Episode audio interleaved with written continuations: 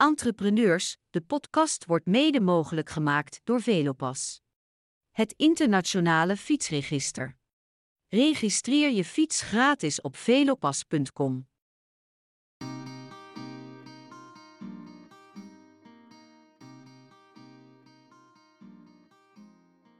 Was de derde in ons huishouden. Er zijn drie jongens en twee meisjes.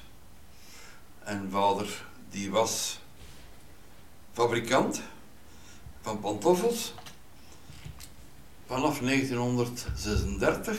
Ja. Voordien werkte hij als directeur in een schoonfabriek in Rumstok. Door omstandigheden zijn we er weggegaan. En dan door de oorlog, die begon in uh, mei 40, Mhm. zijn ze verplicht geweest te stoppen. Ja. Van de Duitsers naar het schijnt, omdat je met minstens 25 man moest werken. Oké. Maar dat was Ja, toen hij, nog, toen hij nog directeur was van die, eh, in die fabriek. Toen moest die fabriek stoppen. Nee, nee. Die, eh ze waren ze zelf al gestart. Hè. Ja. Mijn vader was gestart samen met, een, met zijn broer. Ja. Hè. Nadat ze dus gewerkt hadden in die schoonfabriek, Ja.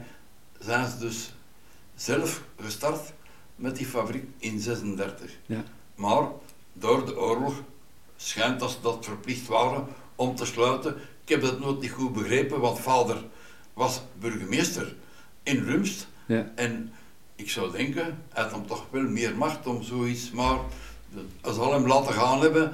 En ja, ze zijn ermee gestopt. Ja. Ja, dus dat is jammer.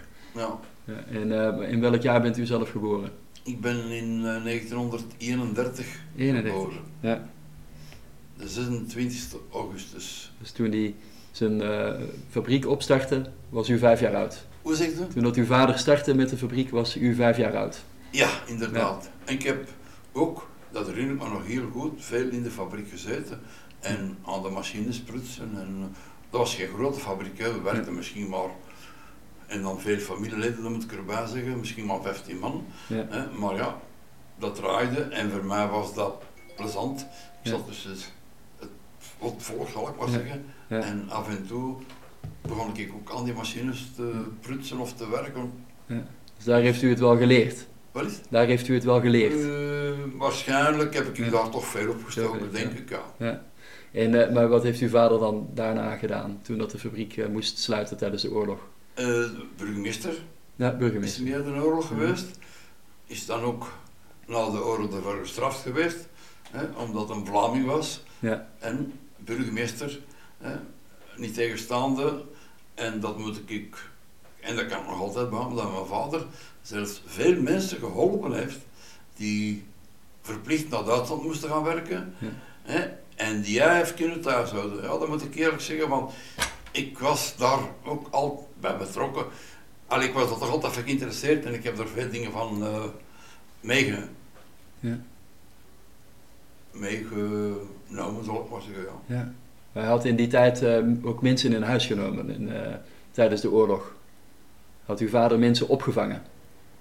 Nee, nee, hij heeft niet opgevangen, maar hij heeft ze kunnen weerhouden dat ze naar Duitsland moesten gaan werken. Ja, ja. Nee, Hij heeft ze niet zelf opgevangen, hè, maar dus ze waren verplicht van de Duitsers om naar de kinderen te werk, gaan werken. Hè, en ik weet dat maar toch eh, verschillende heeft kunnen thuishouden. Dus die niet moesten naar Duitsland gaan.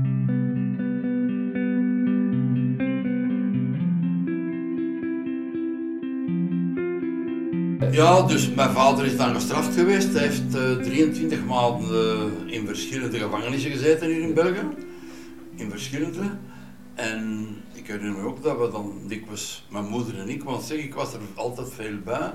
Mhm. Mijn moeder en ik, wij zijn di- dikwijls op bezoek geweest. En dat was dan ook in de periode dat die V1's vielen. Ja. Hè, dat wij dus ergens stonden aan te schuiven. Ja. Hè, om, om een te brengen aan mijn vader. Hè, dat de V1's daarboven vlogen, of de V2's. Ja, dat was... Ja. Ja, ja, dat was wel straf toen, dat moet ik eerlijk zeggen. Ja. ja. Traumatische periode. Na, de, na die periode is hem, eh, ja, als hij dan thuis kwam, was er een oude klant van hem die gezegd heeft, Staf, eh, waarom gaat niet, begin je niet terug te fabriceren? Ja, we hebben de middelen daar niet voor en zie je. Ja, maar dat zal ik wel voor zorgen voor de middelen, want ik weet dat je nog machines hebt hè, en, en ook nog materiaal. Ja. Dus je kunt daarmee starten dan aan, dat is goed. Dus dat is nou ook wel een beetje delicaat, maar ja, dat mag nog Ja. geweten worden. Ja. Ze gingen dus samen starten, terug met een onkel en mijn vader. Maar mijn onkel, die had ook in Duitsland gewerkt. Ja. Niet verplicht, maar die was daar naartoe gegaan, ten om de brood, zal ik maar zeggen. Ja. En die is er ook voor gestraft geweest. Waarom, weet ik eigenlijk niet goed, maar in ieder geval, het moment dat wij gingen terugstarten met die fabriek, dat was in Terrage, waar we toen woonden. Ja. En dan eh, is eh, mijn onkel eh, terug opgeroepen om zijn straf uit te zitten. Ja. En ja, dan is mijn vader, met mijn moeder uiteraard, dus verder gegaan met die fabricatie. En, en hoe, hoe oud was u toen? Het zal in 47 zijn Ja. dat hem teruggekomen is. Ja. Dat was ik 16 jaar. hè. Ja, 16 jaar. Ja. Maar u, eh, dus u, uw oom ging dan terug naar het eh, front en uw ouders eh, hebben dan samen de fabriek gerund. Die hebben dus, ja, die hebben dat dus gerund, ja. Ja. En dan later, ik weet niet hoeveel maanden dat hij weg geweest is, maar kwam hij terug. Ja. Ja, en dan dacht hij zomaar terug in de zaak in te stappen, maar ja, dat was een beetje moeilijk omdat ze toen alles gedaan hadden. Plus dat die een eh gildschieter Mhm. had twee bedragen gegeven. Voor mijn onkel en voor mijn vader. En dat van mijn onkel had hem teruggevraagd. Ja, Omdat hij zei, ja, maar ja, als hij weg is, dan... Allee, dus dat was een moeilijkheid en dat heeft niet lang geduurd. Nee. Want mijn onkel is later ook thuis bij onze ouders terugkomen werken. Ja. En later, als ik hier gestart ben, hè, is hij bij mij bedrijfsleider geworden. oké. Ja. onkel, ja. ja, mooi. Want eh, eh, was het in die periode, eh, ja, neem ik aan, niet gebruikelijk om te gaan studeren? Of was dat in die periode wel, dat, dat jullie Ja. op die leeftijd nog konden gaan studeren? Nee, dat was een moeilijke periode.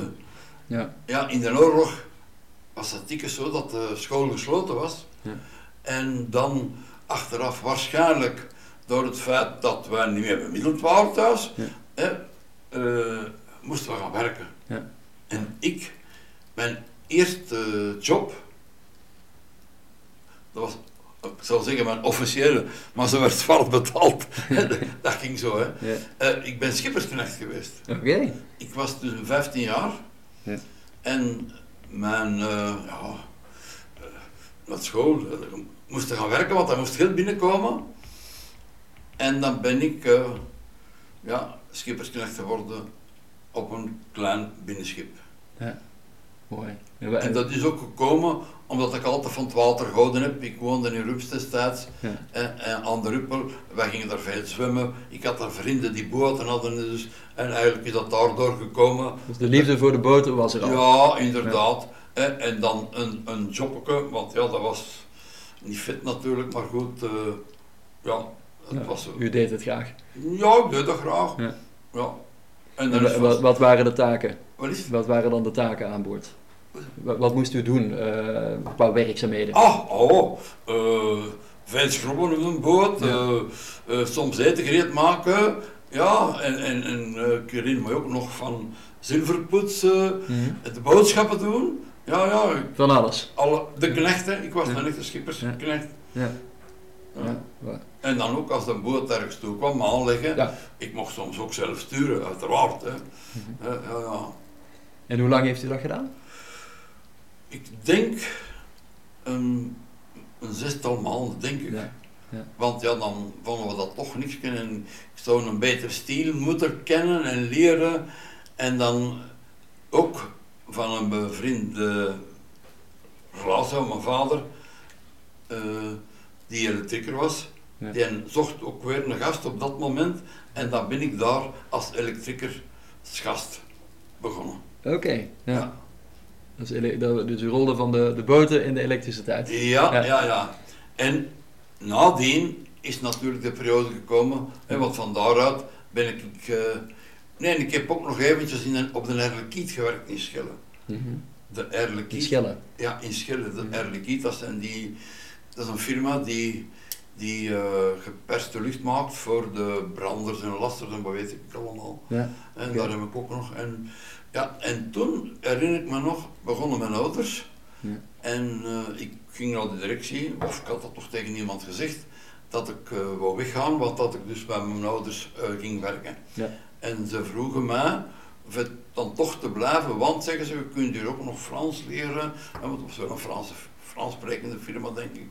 Ik weet niet of ze Frans was, maar in ieder geval, ik kon daar zo gezegd Frans leren. En ik zal mijn job goed gedaan hebben, veronderstel ik, want Mhm. die vroegen echt om te blijven. Zeg nee, ik zeg, ik, eh, ik wil daarmee opstarten. En eigenlijk, ik ben in Terrage volledig met alles mee opgestart. Ja, toen je ouders opnieuw dat opstarten, meteen vanaf het begin Ja, ja. alles meegeholpen, het meegemaakt. begin, Ja. eh, zelfs patronen maken heb ik geleerd. Ik ben naar school gegaan dan, voor, eh, de, naar een vakschool, voor patronen te leren maken. Eh, voor het uitsnijden van leder in het begin. Later werd dat gestanst met messen. Maar ik heb dus ook de schoen leren maken met de hand en zo. Dus ik heb wel een goede school doorlopen in Antwerpen. Ja. Ozanam of zoiets noemen Dat dat. eigenlijk die studie gedaan tijdens de opstart van de ja, fabriek. Ja, ja en dat was, twee dagen in de week of zoiets. ja. Eh, of soms is half dagen, dat weet ik niet goed meer, maar in ieder geval, tijdens mijn werk heb ik dat gestudeerd. Ja, ik wil dan niet zeggen dat dat hoge studies zijn, maar ik heb er toch mijn job goed geleerd, waar dat ik later dus eh, ook baat bij had. Hè. Ja, tuurlijk, tuurlijk. En die eh, wa- was dan de naam van de firma vanaf het begin Siesta? Of eh, noemde dat in het begin anders toen dat die ouders dat Eh, deden? nee, dat. het is te zeggen, dat noemde van in het begin siesta. Maar we zijn natuurlijk iets overgeslagen. Ja? Als ik getrouwd ben, ik ben redelijk jong getrouwd, met 21, Ja. dan kregen we bij ons thuis een uitzet. Ja? Ik weet niet dat je dat in Nederland zou zeggen, maar een uitzet dat wil zeggen dat je meubelen krijgt en wat weet ik Een allemaal. cadeau. Ja. En mijn ouders hadden dat ook al aan de andere kinderen gegeven. Mhm. En ik had hun gezegd, zeg, ik, ik heb dat niet nodig, Eh, geef mij maar voor dat bedrag pantoffels. Want ik wil direct een winkeltje beginnen. Het zat in mijn achterhoofd dat ik vroeger, vroeg of laat wel op mijn eigen benen wil staan, wou staan als fabrikant. Ja. Dus, maar dat was mijn start eigenlijk. Dat u ondernemer wilde worden, dat was al vroeg bekend. Dat was. Ik weet niet wat de jeugd allemaal doet onder, allee, tegenwoordig, Ja. als ze verkeren, maar bij ons ging dat over de toekomst en wat we inderdaad eff- effectief gingen doen. Ja. En ik was dat van plan, maar ja, je moet starten en als je niks hebt, moet je klein beginnen. En daarom, wij woonden dan heel eenvoudig. Hè, en ik durf zeggen, ik kreeg een tafel van een onkel, vier stoelen van een tante, met potten en pannen kreeg ik van het personeel van dat fabrieksje Ja. toen. Dus dat was allemaal eenvoudig. Ja. Maar ja, je moet er iets voor opofferen Tuurlijk. als je iets wilt eh, beginnen. hè. En dus, ik moet eerlijk zeggen, dat is eh, dan Ja. toch allemaal gelukt. hè. Dus u, kreeg pantoffels om dan te gaan verkopen. Ja, maar ja, dan moest ik de winkel nog inrichten. Ja. En daar had ik geen geld voor. Maar u, u had toen al een winkelpand. eh, Ja, ik had eh iets gehuurd, ja, inderdaad. hm.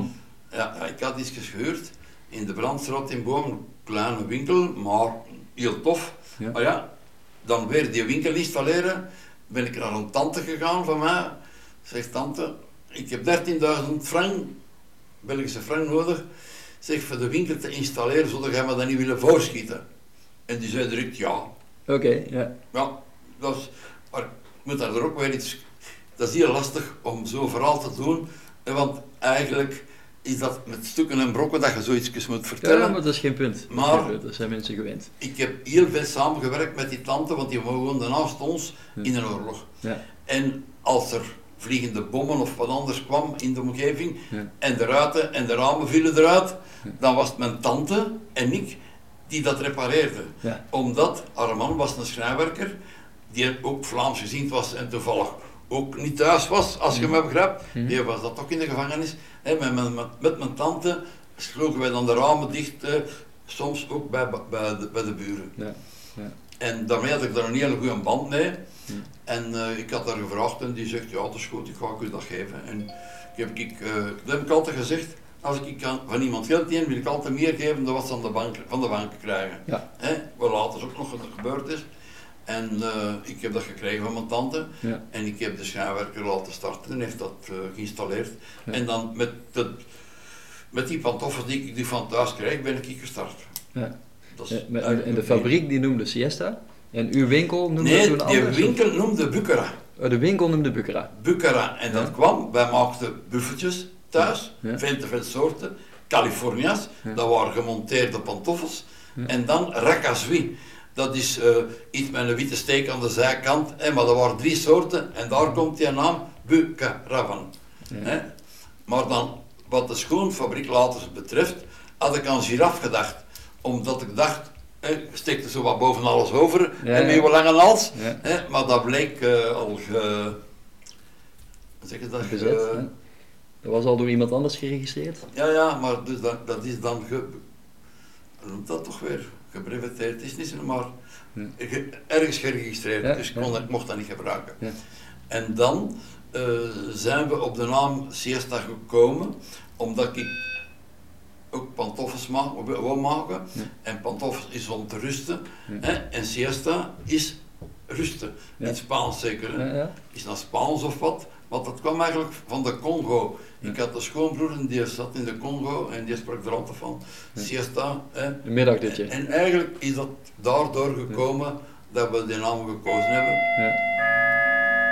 Belt iemand aan? Ik zal hem even op pauze zetten. Ik weet niet.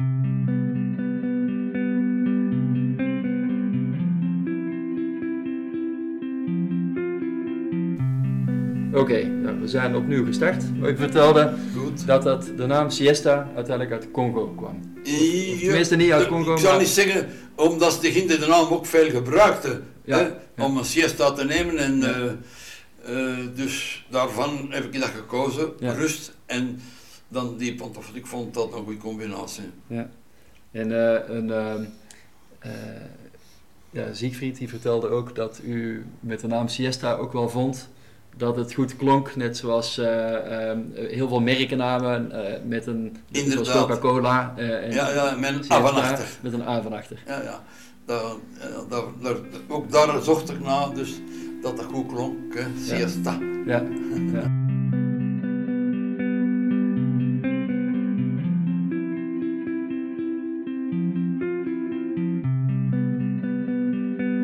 Welk jaar was het dat u het gestart was?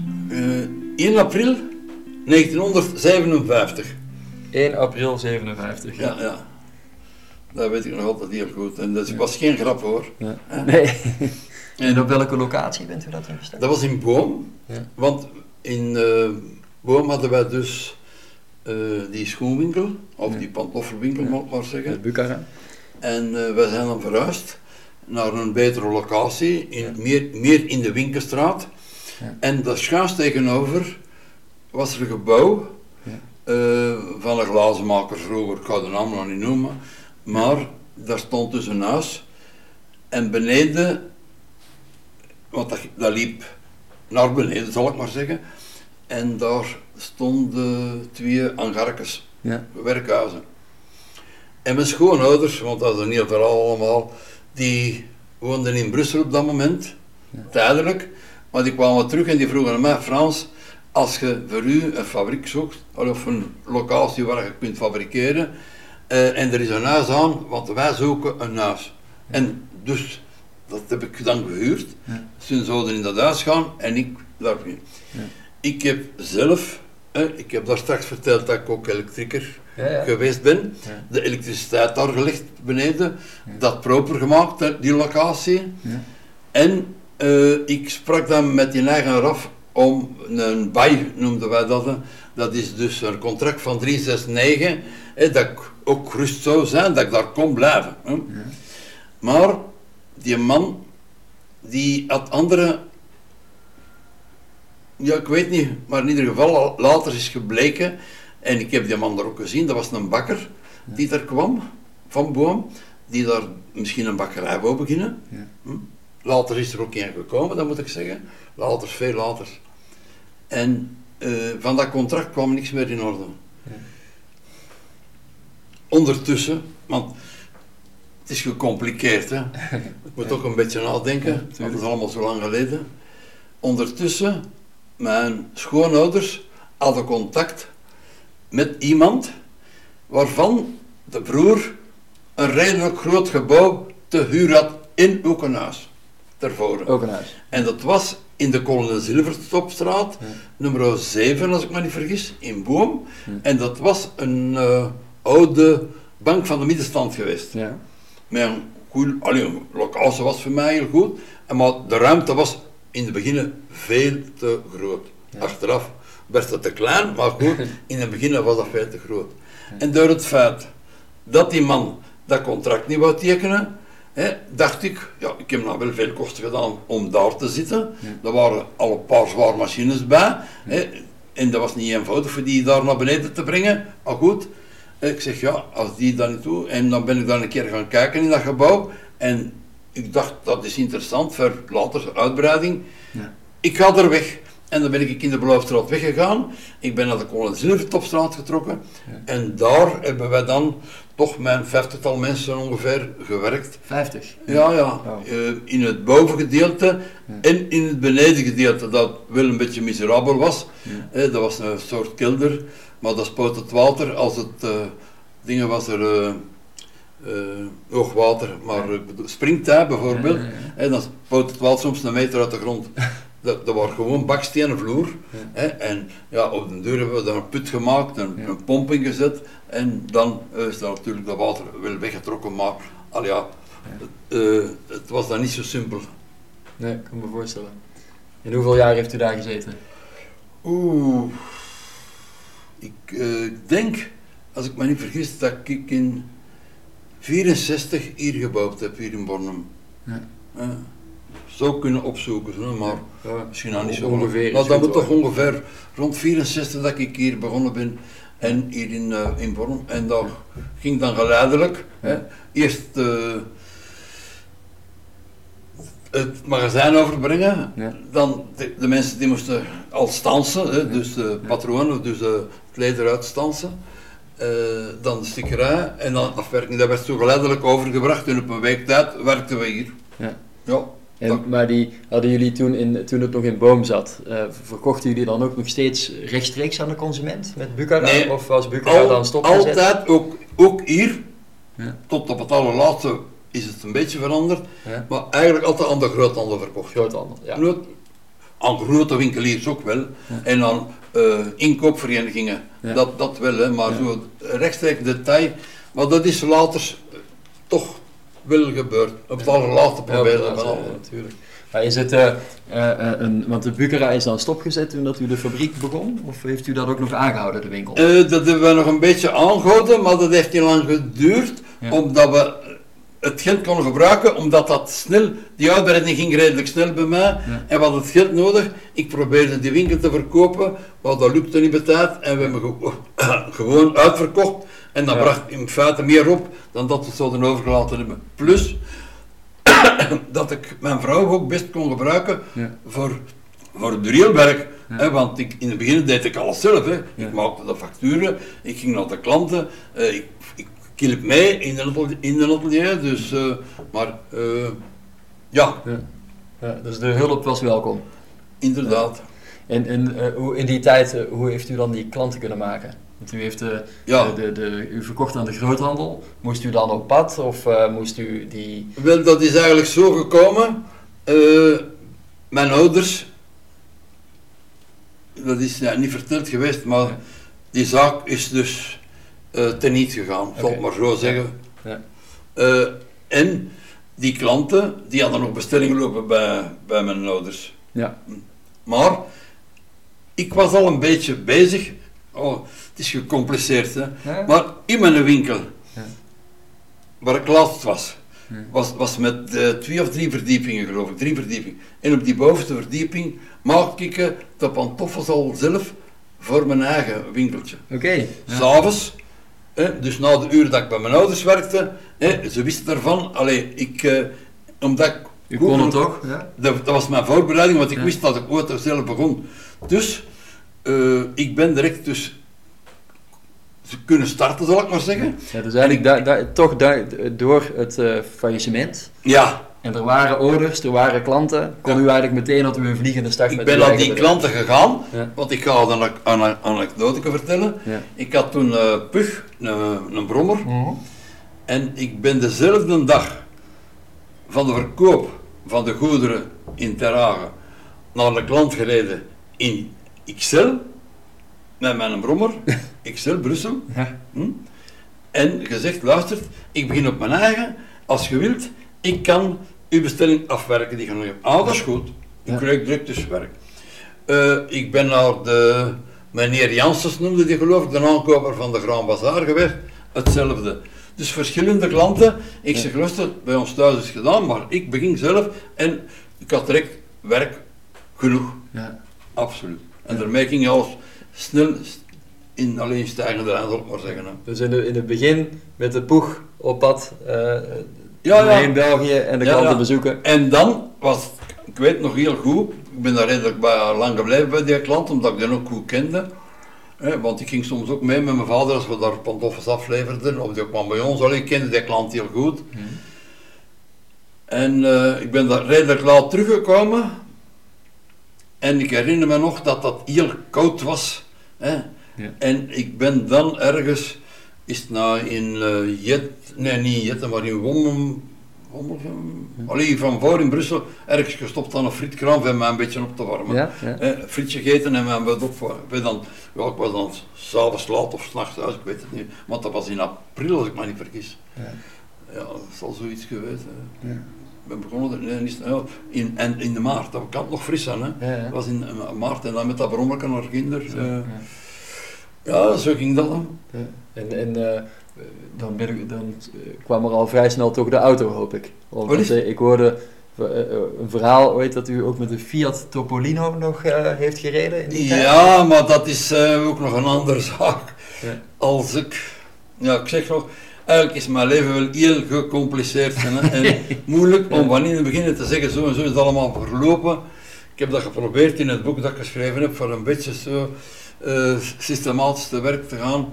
Maar eh, wat dat Otto betreft, dat is het volgende. Als ik soldaat was, Ja. ik heb 21, 21 maanden eh, soldaat geweest, waarvan dus het grootste deel toch in Duitsland gelegen, in Una en in Werl. Oké. En eh, ja, ik zal u zeggen, bij de troep zelf ook, zij noemen, wij noemen dat een troep, ik wou geen gewone piloot zijn. Dat is gemakkelijk, hè? Op leger en wapen. Nee, ik wou iets meer. En ik wou eh, onderofficier worden. Oké. Maar om onderofficier te worden, moest dat toch uw middelbaar gedaan hebben. Ik had mijn middelbaar niet gedaan, maar mijn schoonvader, die een hoofdonderwijzer was, had ik dat verteld, zeg, ik zou dat willen worden. Zeg, maar ja, eh, ik moet dan toch wel een beetje een opleiding krijgen, want ze gaan me daar veel vragen stellen. Hè, onder andere de vierkantswortel, dat herinner ik me nog heel goed. Ik zou me niet meer kunnen maken. Maar ik weet toch dat dat op dat examen ook gevraagd werd. En zo heb ik ook dus eh, ja, mijn een beetje gestudeerd, zal ik maar Heeft zeggen. u les gegeven? Ja, en eh, ik heb, eh, ja, kan ik ook andere anekdotes van vertellen van het leger, maar goed, ik ben onderofficier geworden. Is Ja. gelukt. Ja. En later door koning Boudewijn nog eh, gedecoreerd, ja, dat mag ik wel zeggen, maar ik heb de decoratie nooit zelf aangekocht, maar ben ik eerst, eerste sergeant geworden. Oké, ja. Ja, ja. door koning Boudewijn uitgereikt. Ja, ja, ja, ja, Ja, koning Boudewijn maar niet zelf natuurlijk, hè, maar ik bedoel, eh, Ja, natuurlijk, ja. En eh, die... eh, Ja, dan dat Fiatje. Ja. Ik was dus in het leger en ook daar wou ik geld verdienen. Ja. Ik zal erbij zeggen, ik nam soms koffie mee van thuis Ja. en ook pantoffeltjes kreeg ik. Ja. En die verkocht ik dan aan de Duitsers. Hè. Maar dan, er was een Duitser bij ons, Hm. Erwin noemde die, dat herinner ik me nog. En die verkocht eh, souvenirs aan de soldaten die op congé gingen naar, naar België terug. Die Ja. dus van Duitsland in congé kwamen terug naar huis. Ja. En op een zeker moment had hij iets mispeuterd dat eh, de kampcommandant, zal ik maar zeggen, eh, niet aanstond. En die werd ontslagen. Ja. Die man werd ontslagen. En, maar ik kende die goed. Ik kon al redelijk goed Duits toen. In de oorlog heb ik verschillende keer in Duitsland geweest als kind. Door de kinderland Verschikkung noemde dat. Ja. Verschikkung. Hè, eh, zijn we als kind, ik drie keren in Duitsland geweest tijdens de oorlog. Dus bij, pri- bij privépersonen en ook al eens in een kamp geweest. Maar dus eh, zo heb ik toch wat Duits geleerd. Ja. En die man, omdat hij, ja, ik had dat toch zo'n beetje vertrouwen in, denk ik, of hij in mij. En eh, die zei, Frans, zegt hem, weet je nog niemand niet die mijn zaak hier wil verder zetten, die verkoopt van die souvenirs aan soldaten. Ja. Zei, dat moet je niet verder verzoeken. Zeg, ik ga dat doen. Ja. Ik ben met mijn valies naar daar getrokken, hè, die valies volgeladen, ik moest niks op voor betalen, er werd een lijst opgemaakt, wat dat ik mee kreeg. Hè, alle weken ging ik naar hem, dat heb ik verkocht. Hè. Ja. Ik, die kreeg zijn geld en ik wist hoeveel procent ik erop, dat weet ik al niet meer, maar in ieder geval. Zo heb ik eigenlijk geld gespaard bij, bij het leger. Ja. En daar heb ik mijn eerste eh, Fiatje gekocht, een Topolino 500, ja, prachtig. een groene. Ja. Dat is het verhaal van het tot ook eigenlijk. Hè. En dan ook de, bij het leger. Hè. Ja, mooi verhaal. Ja. En die, eh, eh, uiteindelijk ben je dan klanten gaan, eh, gaan maken met de, met de poeg in die tijd, of later. En, ehm, eh, Ja, ja, ik heb daar ook mee naar verschillende andere klanten gereden. Ja. En geweest dat ik dus, ja, want eh, je moest deftig aankleven met dat ding te rijden. tuurlijk, tuurlijk. En ik bedoel, eh, Warm. tegen, tegen de, de kou eventueel. En dan herinner ik me nog dat ik eh, in, een keer in Vilvoorde bij een klant kwam. Dat ik eerst op de markt of grote markt, ik weet niet wat er juist noemde, een café binnen ging om me een beetje terug op te frissen alvorens dat ik naar die klant ging. Ja, ja, Ja. ja. En, eh, en uiteindelijk is het dan zo dat je de, de- zo je klanten hebt gemaakt, gegroeid bent naar 50 man personeel. Ja, En dan eh, de fabriek hebt gebouwd hier in eh Bornem. En vervolgens in één week tijd, eh, stap voor stap, iedereen heeft overgebracht hier naar de nieuwe locatie. ja, ja, ja. ja. Ja, en dan hier dan verder gegroeid qua, qua aantal medewerkers? Of eh, bent u dan nog verder gegroeid qua medewerkers? Ja, hier, eh, ik zal maar zeggen, rond de 90 denk ik alles samen, zo een beetje met personeel, alleen met de, met de bediende bij, waarvan mijn vrouw en, en twee, twee zusters van mijn vrouw. Oké. Ja. Ja. en dan dus de meeste gasten, ik had hier, eh, mijn onkel was hier bedrijfsleider, een onkel Jules, Ja. broer van mijn vader, Ja. plus dan nog drie meestergasten. Ongeveer een negentigtal hebben we ooit gewerkt hier, ja. En, eh, en het was dan puur fabriceren van pantoffels? Of deden jullie Ja, in het begin was dat uitsluitend pantoffels, maar dan zijn we ook gezondheidssandalen beginnen maken. Oké. Omdat natuurlijk eh, de, die verkoop verminderde, want wij hadden op den duur veel concurrentie van Italië, van Frankrijk en dan nog niet te spreken van die Chinese pantoffeltjes die spotgoedkoop waren. Dus we hadden veel concurrentie, ja, en dan zoek naar andere eh, mogelijkheden. Ja. Maar iets anders maken is altijd niet zo eenvoudig. Nee. En, maar ik had een goede vriend in Duitsland in een fabriek. En dat was daar een, een groot, dat was een fabriek waar ze met honderden mensen werkten. Hè, en ik zal eerst dat een vertellen, want het is Ja, ja. wel, ik zeg, het is eigenlijk heel gecompliceerd allemaal. Ja. Die, eh, ze presenteerde mij hier een bepaald machine om binnenzootjes van die pantoffels te naaien. Ja. Vroeger werd dat met de hand gedaan. Ja. Het, het binnenste van die pantoffel werd met de hand genaaid. Maar ja, dat vroeg veel werk en dat moesten uitgeven en dat was altijd niet gemakkelijk. En daar kwam een machine uit hè, waarmee dat je dat kon doen. Ik zeg, ja, dat is goed en wel. Ik zeg, ik zou die wel willen kopen, maar ik wil dat eerst eens in bedrijf zien. Hè. Ah, daar gaan we voor zorgen. En die zorgde voor een bedrijf in Duitsland. Hè, dat was in Kirchheim Tech. Mhm. Ik ben het niet vergeten. En die man noemde Aartin Habelen. Hij is ook nog redelijk jong gestorven, die man. Ja. En die, eh, daar ben ik terecht gekomen in die fabriek. Die hebben mij die machines laten zien en ik zag en dat was goed. En met die man ben ik altijd in contact gebleven. Ja. En die bracht mij ook, als er nieuwigheden kwamen op de markt, die, die, die meldde dat aan mij. Ja. Dus zo eh, ben ik ook aan die tweede productie begonnen van die sandalen. Hè, omdat hij me ervan op de hoogte gebracht had waar ik dat allemaal kon krijgen. Hè, en ja, je moet er iets voor doen. Het, het, het, het valt allemaal niet uit de hemel en het is allemaal geen geluk. Hè. Nee, nee, je moet zien dat je er ook wat een verrispant. Hè. Ik had gezegd, ik wil je machine kopen, maar ik wil dan toch eerst willen zien dat ze werkt. En Tuurlijk, ik ja. heb dat dan ook gezien. Ik heb ze later gekocht, die machine. Ik had er hier misschien wel een stuk of 410. Maar dus de persoon in kwestie heb ik altijd contact blijven, allee, blijven houden. Hè, omdat ik dan... Ik kwam ook bij mij op bezoek hier in België. Ja, Is ook op de begrafenis van mijn vrouw geweest. ja. Ja, ja. En hij is dan spijtig genoeg ook. ook overleden. Wel Hij is dan ook overleden. Ja, ja, ja, dat was ook maar rond de 60 denk ik, of nog niet. Ja. Hm.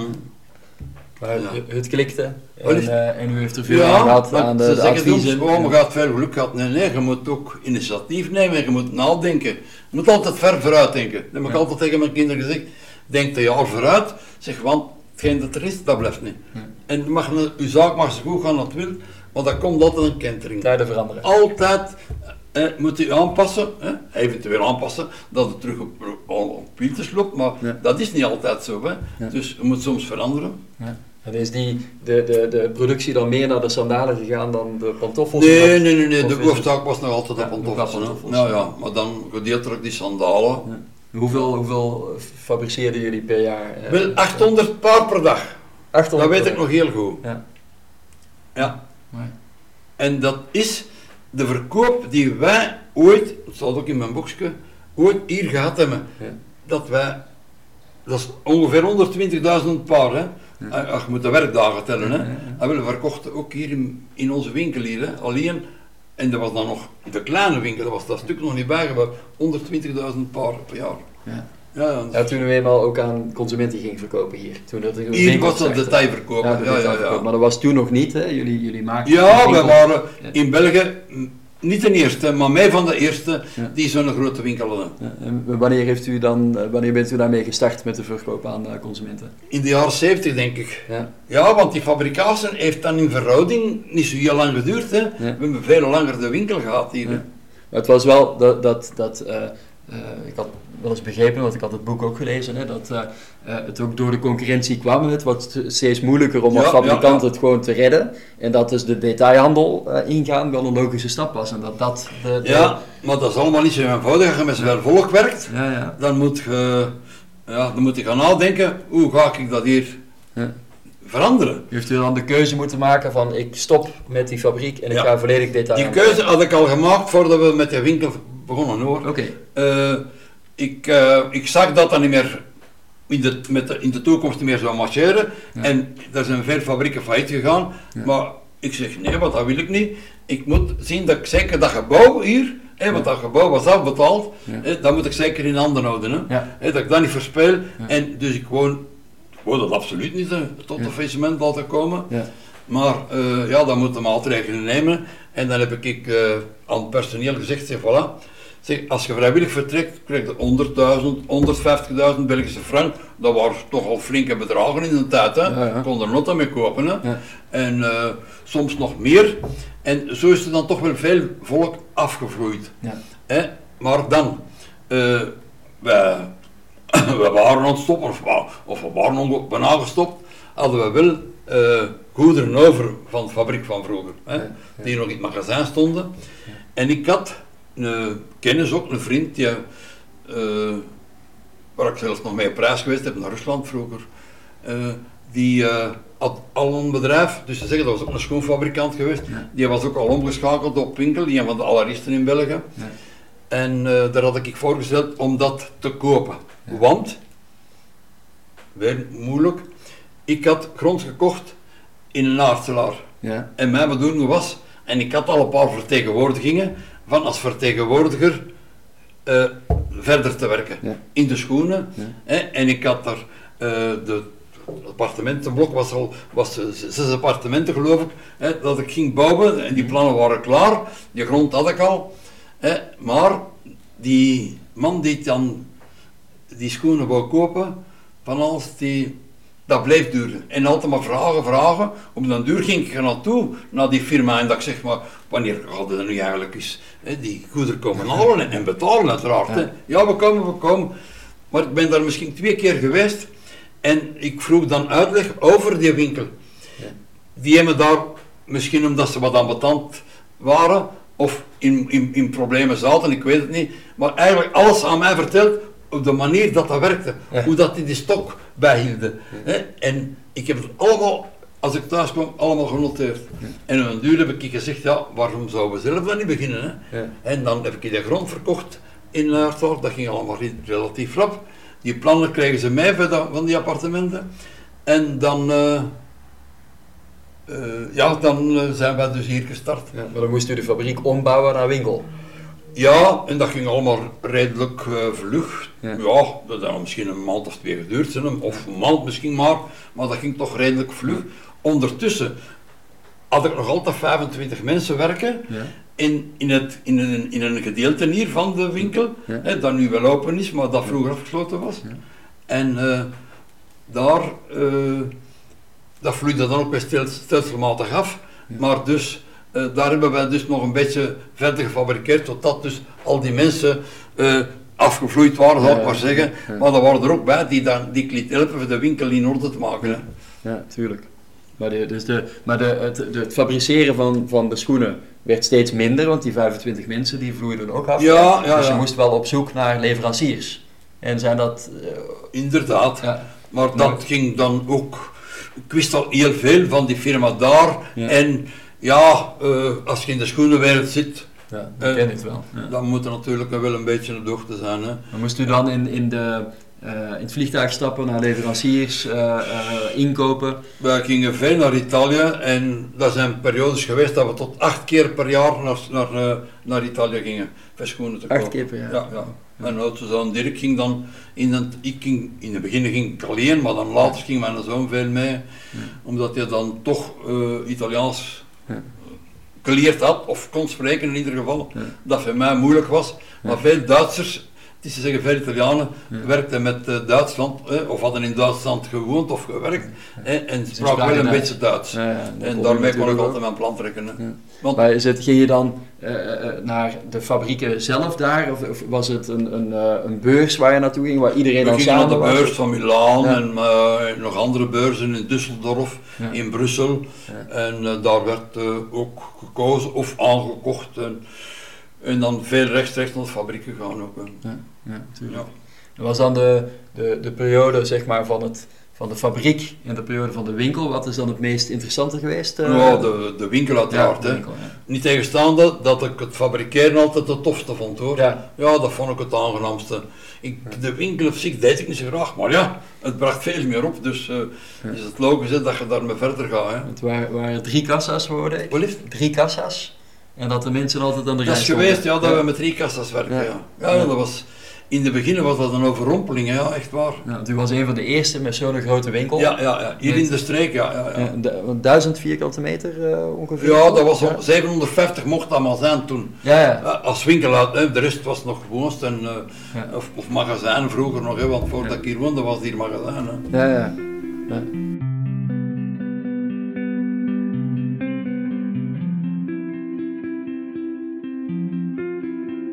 Ja. De pioniersrol had u dan, hè? Want eh, zoiets hadden mensen nog niet gezien. Nee, omdat wij, hier kwamen mensen van Leuven, van Brussel, echt ver van ver weg, Ja. dat ze ons belden en vroegen hoe kunnen we tot bij u geraken. Hè? Want ja, hier was zo maar, wist wel een, een trein hier in het centrum, maar dat is ook Ja. nog een eindje lopen. En, Ja. Nee, nee, dat liep echt heel goed. En Ja. al, de, al de kinderen werkten erin. Hè. Ja? ja. Wat, hoeveel kinderen heeft u? Ik heb totaal acht kinderen. Ja. Daar is een kleintje overleden als het maar vier maanden was. Oké. Eh, de andere kinderen, behalve onze, mijn zoon Raf, die Ja. weer arts gestudeerd had, Ja. hè, die werkten hier niet. Hè, maar dus de andere kinderen werkten hier allemaal. Ja. Allemaal. Echt een familiebedrijf. Ja, ik moet wel zeggen, geen familie. Maar ik moet ook, en dat geef ik grif toe, dat is niet altijd een voordeel hoor. Nee. Want op den duur, eh, vader had het goed en de kinderen willen het dan ook allemaal goed hebben. En eh, ja, het is niet altijd zo. Nee. Eh, ik heb er natuurlijk mijn voordeel bij gehad, maar op den duur werd het toch ook te zwaar. Ja. Ja, ja. Ja. Maar goed, ja, het was wat het was. ze zijn er allemaal goed doorgekomen. Ja, ja.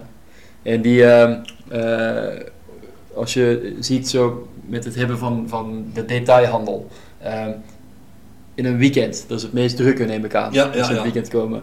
Hoeveel schoenen werden er verkocht in zo'n weekend? Want ik hoorde wel dat het, dat het in die periode enorm ik, eh, druk was. ik durf dat getal niet goed zeggen, maar ik meen dat onze Dirk, mijn zoon, nog eens gezegd heeft dat we op een dag ons 2400 paar verkochten. Zo. Ja. Eh, dat- In de week was het soms minder, hè. Ja, ja. En, en vergeet niet, als wij starten, de openingsdag, dat is ongelooflijk geweest. De parking hier, hierachter is een gebouw van Jehovah, Ja. hè, dat nu, ja, ja, Jehovah, maar vroeger was dat een plein, Ja. stond, overal stond dat er in de omgeving auto's. Ja. Dat is, die opening, hè, dat is, en maar nadien is het dan periodes geweest dat het rustig was, dat er in de vermiddag bijvoorbeeld niemand in kwam, hè.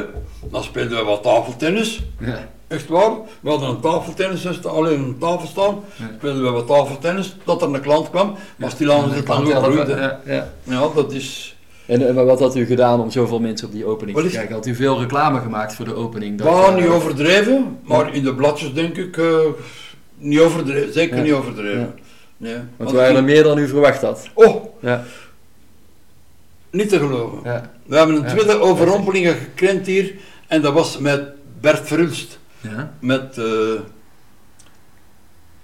oh nee, eh, Gert Verhulst. Gert van. Samson en Gert. Ja, die is. Met, van Samson, hè. Ja, ja. Die is- heeft er ook eens opgetreden in de winkel. Ja. En we hadden het ook natuurlijk niet verwacht en gedacht dat er zoveel volk dat was. Ja, dat de mensen zeggen, ja, waarom heb je niet dit en waarom niet? Ja, als je zegt, waarom? we hadden dat ook niet verwacht dat er zo... Nee, nee. stonden de kinderen op de, op de schappes. Zo. Ja, dat was Ja. ongelooflijk. Ja. En, en eh, van, eh, was heel succesvol hier, hè, dus dat, dat groeide. Eh, het was eigenlijk vanaf het begin een succes, vanaf Ja, het begin dus. Laat ons zeggen, vanaf het tweede jaar toch, hè? Het eerste jaar. Ja. Maar dat is dan echt in stijgende lijn gegaan. En dan bent u meerdere winkels gaan openen. En dan hebben we meerdere winkels geopend, ja.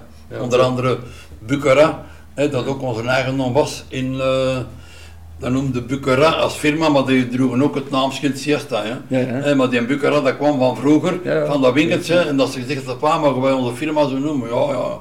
Hè, en dan eh, later Edegem, hè, waar mijn oudste zoon eh, was. Ja. En dan waren er nog drie andere winkels in eh, Asselt, in Geel en... Poortmeerbeek? en Poortmeerbeek? nee, wou- Boortmeerbeek had ik al gezegd. Schilder. Maar in eh Schilde. Ja. Ja. Maar ja, dat ging dan in het begin wel, maar dan niet zo goed. En dan hebben die toch allemaal stilletjes aangesloten hoor. Ja. Behalve die, de drie anderen. Hè. De drie Edegem is altijd gebleven en Boortmeerbeek en dan Bornem. Ja, maar de, u, uw kinderen hebben dat voortgezet, hè, de, de, de drie winkels. Ja. En eh, en tot wanneer bent u er nog bij betrokken geweest? Want ik denk dat u op een gegeven moment... Op u- zestigste, Ja. omdat dus de kinderen dus zoveel in de zaak waren en werk deden, heb ik gezegd, op mijn zestigste zal ik stoppen. Ja. Ik ben eigenlijk op mijn zestigste gestopt. Ja. Officieel Ja. eh, heb ik het dus overgelaten aan de kinderen. Ja. De zaak. De, de, de gebouwen nog niet. Die zijn later ook aan de kinderen verkocht, hè, de gebouwen. Hè. Maar dus eh, de, de winkel zelf, in het begin, ik was 60 jaar. En dan ben ik gestopt met werken. Ja. Maar ja, achter de schermen natuurlijk. Heb ik eh, nog wel wat meegedaan. Hè. Ja, dat is ook als de kinderen het hebben overgenomen, dan, ga je, dan laat je het ook niet los. Hè, Dan ga je uiteraard mee. De kinderen deden het zo goed Ja. dat ik dacht, oh god, en ze waren dan met zoveel, Ja. eh, ik, ik hoef hier eigenlijk niet meer tussen te lopen. En ik Ja. zal het wel in doorhouden. Ja. En ja, En die, eh, als je nu ziet in, in al die jaren dat je dat gedaan hebt en, en de, de, de zaken die je hebt meegemaakt ook bijsturen als het eh, waar nodig. Hè? Ja, ja, ja, ja. Als de markt verandert moet je ook meebewegen, want anders eh, eh, komt het niet goed. Maar wat zijn eh, de, de, de belangrijkste dingen die je kunt meegeven aan een ander, wat, eh, wat je geleerd hebt, of waar mensen op moeten letten als ze willen ondernemen? ja, ja, dat, dat hard moet werken en dat vanzelf is niks komt. Hè. Ja. En geluk, dat bestaat niet. Alleen moet het geluk hebben geen ongeluk te hebben. Ja. Hè, Ik heb dan ook nog wel een ongeluk gehad, ja. familiaal. hè, Want in het bedrijfsleven, ik heb nooit of nooit financiële problemen gehad. Nooit. Hè, alleen familiaal heb ik natuurlijk veel pech gehad. Maar op zakenleven heb ik het altijd, ja, ik mag wel zeggen, goed gedaan. Zeker met mijn capaciteit, ik zal het maar zo zeggen. Maar als men gezond blijft en eh, in, Maar- in leven blijft, dan, dan eh, maar moet- inderdaad, het leven heeft ook Ja, soms en eh, vooruitziende zijn. En niet denken, oh god, ja, garme, het gaat niet goed, eh, we zullen het maar laten ontploffen. Nee, Ja. je moet ver, ver vooruit denken en, ja, en aan, aan nieuwigheden eventueel. Hè. Ja. Ja. Ja, want er, er zijn altijd nieuwe dingen. Ja.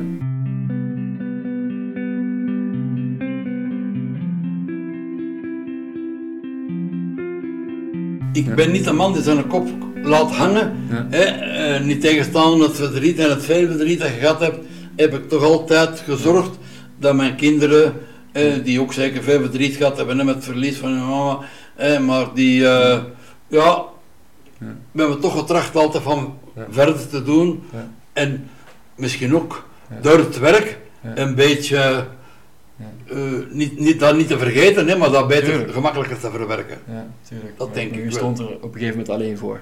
Ja, is- u stond er op een gegeven moment alleen voor, Ja, met met dan de veel kinderen. en, eh, in, de, in een bedrijf. Ja, ja, Dus- ja. Ja.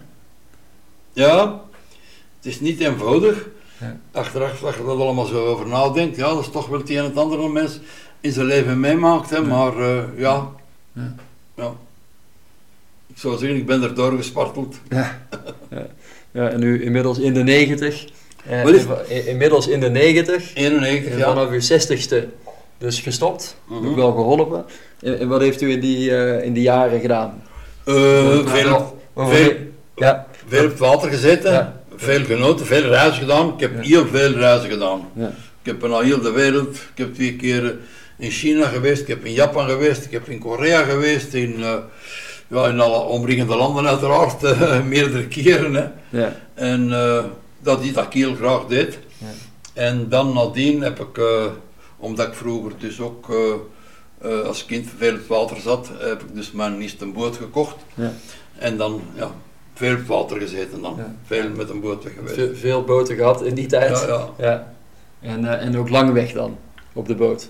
Was het eh Eh, ja, ik, Engeland gedaan en zo, dat soort vragen? Engeland, Frankrijk, veel in Holland ook. eh, eh, ja, Duitsland, uiteraard, Luxemburg. Hè. Ja, ja. En, eh, en het reizen, deed u dat dan altijd alleen? Of, eh, Eh, veel alleen, ja. Ja. Maar ik bedoel, eh, soms in groep, hè. Maar ik bedoel, eh, alleen, ja. Als alleen, ik was alleen ook, hè. Hè, dus, eh dikwijls alleen met een auto. Ja, Duitsland, Zwitserland. eh, dat, dat deed ik gemakkelijk alleen, hè. Ja. Maar ik bedoel, dus grote reizen was gewoonlijk in groepsreizen, hè. Ja. En naar, naar China ben ik geweest met Siegfried, twee keer. ja. Ook eh, samen Om-. Omdat hij daar wou schoenen, van daaruit schoenen wou importeren. Ja, Eh, importeren, ja. Ja. Maar eh, ja, dat is dan gedeeltelijk gelukt, maar eigenlijk is dat toch niet gebleven. ja. Maar uiteindelijk is uh, Ziggy natuurlijk nu ook wel weer met zijn schoenenzaak toch eh, ja, ja, ja, gestart ja, ja. hè, in Schavenwezel. Ja, ja. En, dat gaat goed. En dat gaat heel goed, hè. Ja. Dus dat is toch mooi om te zien dat eh, En ook- zelfs de kleinkinderen ermee doorgaan. Ja, ja. hè, Dat is goede Als je spreekt van op reis te gaan, Ja. Ik eh, ben vijf keer in eh, Australië geweest. Vijf keer. Ja. En ik moet zeggen, dat trok mij geweldig aan dat land. Ja. ja. Had ik geen kinderen gehad, ik had kinderen gebleven, denk ik. Ja. Ja, ja, dat... Was daar, toen u daar de eerste keer was verliefd geworden op dat land. ja inderdaad. En dan niet direct hoor, maar eh, met de tijd, ja. En ik heb dan toevallig ook een vriend, kinder. En waar hebben we die leren kennen, zouden denken? Ja. Ah, wel, tijdens het skiën in Leg. Ja. Ik was om vier uur eh, ook naar zo'n, een- hoe noemt dat, eh, naar Preski gegaan. Ja. En ik zat er alleen aan een tafeltje. En ja, er was heel weinig volk in die zaak. En dan kwam de koppel binnen. En die zei, alone? Ja. Eh, eh, allee, is er plaats vrij? Mag ik bij u zitten? Mogen wij bij u zitten? Oh ja. En dat was toevallig een, Oostenrijk, een. Australiër. Hè, die dus ook kwam skiën daar met zijn vrouw. Toen was u wel eens in Australië geweest? Of u bent dan nadien gegaan? Na- omdat u die mensen ontmoet had? Eh, nadien. Ja, ja. Nadien, ik heb Ja. ook verschillende keren bezocht. Hè. Ja. Ja, ja, ik heb hem daar eigenlijk leren kennen in Leg. En eh, dan verschillende keren nadien ook bij hem op bezoek geweest. En hij is tien jaar jonger dan ik. Hij moet nu ongeveer 81 zijn. Ja, ja. Er bestaat. Ja. Ik heb in Frankrijk ook in twee plaatsen geweest, denk ik. In Zwitserland Ja. heb ik ze allemaal gedaan. Of het nou Rosa is, Davos, eh Grindelwald, eh, Zermatt. Ik heb overal geweest. Ja. Hè? Eh, Maar Leg in Oostenrijk is dat Ja. gezelligste Leg in, in Oberleg. Ja, minder vind ik. We, kwamen, we gingen er ook skiën natuurlijk, in Overleg. Je moet maar- erdoor als je naar Leg gaat. Ja, ja, maar ik vond Leg zelf het tofste. Ja. Die, een, en uiteindelijk is dan de oldtimer of de auto-hobby ook nog wel begonnen. Ja. Eh, op het einde, want u heeft nu nog eh, nee, onlangs verkocht dan de, de kever. Ja, er is Maar- altijd een te koop, maar Ja. eh, na de boten, ja, ik, ik wou waarschijnlijk weer iets te doen hebben, want ik kan moeilijk stilzitten. Ja. En dan dacht ik, ja, dat dat interesseert me wel. Ja. En zeker een kever, een Volkswagen kever. Wij, ik heb er, als ik jong was, ook drie gehad. Ja. Hè, in het begin dat ik fabriceerde. Zo'n stuk of drie, denk ik, ja. En mijn vrouw, die heeft, eh, haar laatste, dat was ook een, een kever, een 1500, een, eh, een groene. En die zocht ik, maar die heb ik niet direct gevonden. Mhm. Ten eerste die ik vond was een rode, allee, er zijn er genoeg te koop, hè, maar die goed waren. En dan tweede was het inderdaad een groene. En dan derde was het een blauwe. Ja. Maar u dacht, ik wil eens een kever kopen toch, want interesseerde u, maar u, ko- u koopt er meteen drie. Wel ja, dat was niet zo duur, vond ik. Ja. Achteraf bleek dat verschrikkelijk schandalig duur door de, alle herstellingen die ik er moest aan doen. Ja, ja. Maar ja, in het begin, eh, ik was er ook niet van op de hoogte, ik zeg dat eerlijk. Hè. Maar well, ik heb er toch een mooie tijd mee gehad. Ik heb er ook veel mee, mee weg geweest. Ik Maar ben u, ook u bent op pad geweest met Oh, de heb- naar het buitenland ook? ik reed dan naar Italië, naar Duitsland, naar, naar Zweden. Met die blauwe ben ik nog, die, die een eh, verkoper, want die kwam van Zweden, die auto, hè. Ja. Hè, via via. En eh, dan ben ik nog gaan opzoeken in Zweden. Ja, U heeft hem daar opgehaald en zelf teruggereden? Of eh, ik, de waarde? nee, nee, nee, nee, ik ben Oh, naar. Zweden gereden, naar Ja. Stockholm. Ja. Hè, en, en teruggekomen met een auto, hè, maar onderweg, dat was in... eh, ik heb er vroeger nog een accident gehad als ik nog fabriceerde. Hè. Ging ik ook naar Zweden verkopen. Hè. En dan... eh, maar ik, ik, kan, ik ken er de plaats meer van uit mijn hoofd. Ja. En ik heb er nog een accident gehad met de auto, omdat we, toen was er nog links rijden. Ja. En ja, het was... Ja, en dan moet je je hoofd Ja, onthouden. ja, allee, Ja. toch een fout gemaakt en een accident. Ja. En eh, vandaar kwam die auto. Ik zeg, oh, dan wil ik nog eens naar terug gaan naar dat plaatsje. En ja, ik ben dan bij die meneer gekomen, maar die kon me toch te weinig uit te geven. Die had de auto wel verkocht, maar die wist precies niet meer van wie dat was. Al ja, misschien dat het dan niet hè, maar in ieder geval, ik ben ik dan in Stockholm geweest. En. Maar u bent nu in de 90. Wat is het? U bent nu in de, in de 90. Ja. Hè? Maar nu is het nog steeds dat je eh, op deze leeftijd dat gedaan hebt. Met die, want dat is nog niet zo lang geleden dat je, dat je die reis hebt gemaakt met de kever.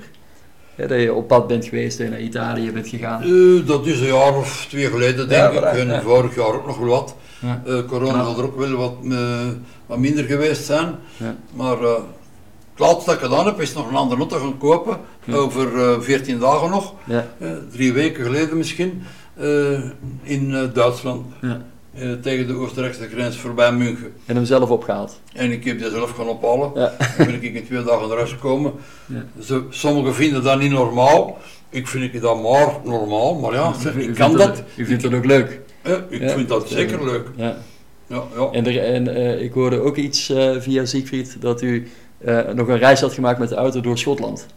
Ah, tevoren met de auto binnen van de zomer in eh, maand juli nog drie, nee, vier, goed 14 dagen naar Schotland geweest, inderdaad. Ja. Ja, maar zelf eh, in uw eentje rondrijden. Ja, gewoon op mijn leuk, rondrijden, want ik vroeg aan mijn zoon, die heeft toch tijd heeft, gaat er niet mee. Nee, pa zegt dat, want dat links rijden, dat is niks en hier en dat. Ja. Maar ja, mij maakt dat niet uit. Ik heb ik, genoeg, alleen dikwijls in Engeland geweest. Ik heb ook in Engeland ge- met een, veel met een boot gelegen, soms met een auto er naartoe gaan en eh, een, naar Engeland een boot gaan kopen. Ja. Twee keer gedaan, dus Ja, ja. prachtig. prachtig ja. ja, dus eh, u heeft er wel van, van gemaakt. En, eh, u heeft er wel wat van gemaakt hè, van, van het leven nadien. En veel van de wereld gezien. Ja, ik heb zeker veel van de wereld gezien, absoluut. Heel veel.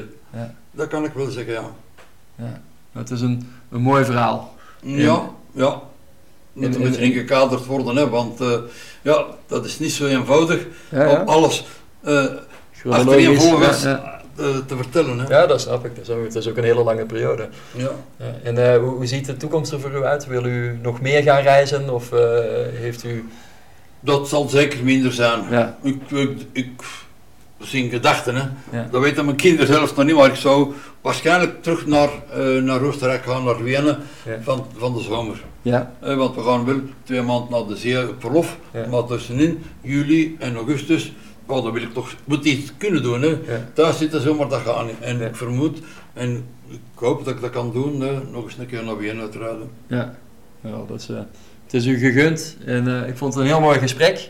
En eh, eh, mooi om, eh, om het hele verhaal van begin tot nu eens te horen. Ja, dan misschien niet altijd aan elkaar doen. Er zal achteraf nog wel veel zijn dat je zegt, ah ja, dit, ah ja, dat, maar ja. Eh.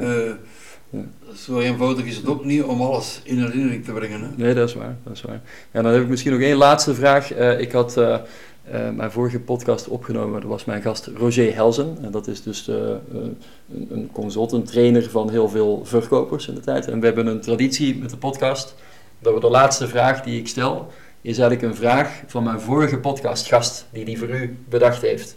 En ik ga na deze podcast aan u hetzelfde vragen. Of dat u een vraag heeft voor de volgende gast. Ja, En de gast die dat Roger Helze, of de, de- tenminste de vraag die Roger Helze gesteld heeft, is welke de gedragscodes zijn om te kunnen zeggen, ik ben een ondernemer. En dan bedoelt hij niet puur een ondernemer, maar ook in de rol van manager, ondernemer, verkoper, ondernemer. Maar wat zijn de gedragscodes om te kunnen zeggen, ik ben ondernemend ondernemer? dat is moeilijk, vind ik. Eh, ik denk, je zei dat of je zei dat niet. Ja. Dat, dat je dat moeilijk kunt leren. Ja. Dat geloof ik. Ja. Dat moet in, in het bloed zitten. En zoals ik u verteld heb, vanaf mijn jonge jaren was ik er al mee bezig. En, en heel mijn leven is dat zo geweest. Ge- ja, dat, ik, ik heb dat niet geleerd. Hè. Ik heb alleen geleerd er- van wat er fout ging vroeger. Hè? Niet dat ik fouten gemaakt heb, dat durf ik zeggen. Maar ik bedoel, eh, ja, daar heb ik uit geleerd. Ja. Ja. Ja, het is, je moet het in je hebben, of je moet het niet in je... Je hebt het in je, of je hebt het niet in je. Ik denk het, dat je dat, je moet in het bloed hebben. Eh, we zullen wel bepaalde dingen kunnen bijsturen en, en, en bijwerken, maar eigenlijk de zin van ondernemen, eh, ik denk dat dat, ja, dat moet je hebben, denk ik. Ja, tuurlijk, Ik tuurlijk. kan ja. dat moeilijk anders zeggen hoor. Ja, en ik denk ook dat dat eh, misschien wat erbij aansluit is, waar we ook al eerder in het gesprek zeggen, is eh, dat geluk, eh, ja, niet bestaat. Je moet het geluk hebben dat je niks overkomt. Ja, ja, Hè, ja. maar ik denk ook wel dat het, eh, ehm, als er kansen voorbij komen, grijp ze dan. Ja, ah ja, maar en ja. hou je ogen open En- voor kansen. En, ja, en zelfs al draait, draait alles goed in uw zaak, Ja. moet je altijd denken, er komt een moment dat het minder is. Wat ga ik dan doen? Ja. Op welke manier? Ja. Hè? Hier belangrijk, in een zaak ligt altijd reserves aan. Zie dat je voldoende middelen hebt, Ja. als er iets is, dat je die kunt gebruiken. Hè? Want als je daar niet voor zorgt, dan, kan, dan, loopt het dikwijls fout. Dat is heel belangrijk. Hè, zorgen dat je reserves hebt. Van in het begin moet je daarvoor sparen. Hè. En ik kan u vertellen, ik, eh, als ik als jonge gast, ik was nog jong, hè, op de baan ging, voor, dus naar mijn klanten, hè, eh, ik zou nooit of nooit gestopt hebben aan een café of ergens om een koffie te drinken, want bier dronk ik sowieso niet. Nee. Ik, ben, ik heb nooit op café geweest, ik, heb, ik drink zelf niet op, nooit, nooit geen bier. Eh wel een glas wijn, maar dat- als ik jong was natuurlijk niet. Hè. Ja. Maar ik bedoel, ik heb nooit of nooit dus mijn Ja. tijd verspild, links of rechts. Nee. Moet ik eerlijk zeggen. En dat is allemaal belangrijk. Hè. Efficiënt omgaan met de tijd en Absoluut. klanten bezoeken. En, eh, Ja, ja, ja, ja. Ja. De tijd die er is gebruiken en ja, en een goed besteden zou ik zeggen. ja, ja, absoluut. absoluut. Nou, dan zullen we daarmee afsluiten. Ja. Bedankt en eh, Ja. eh, dan zetten we hier bij de, de podcast. ja.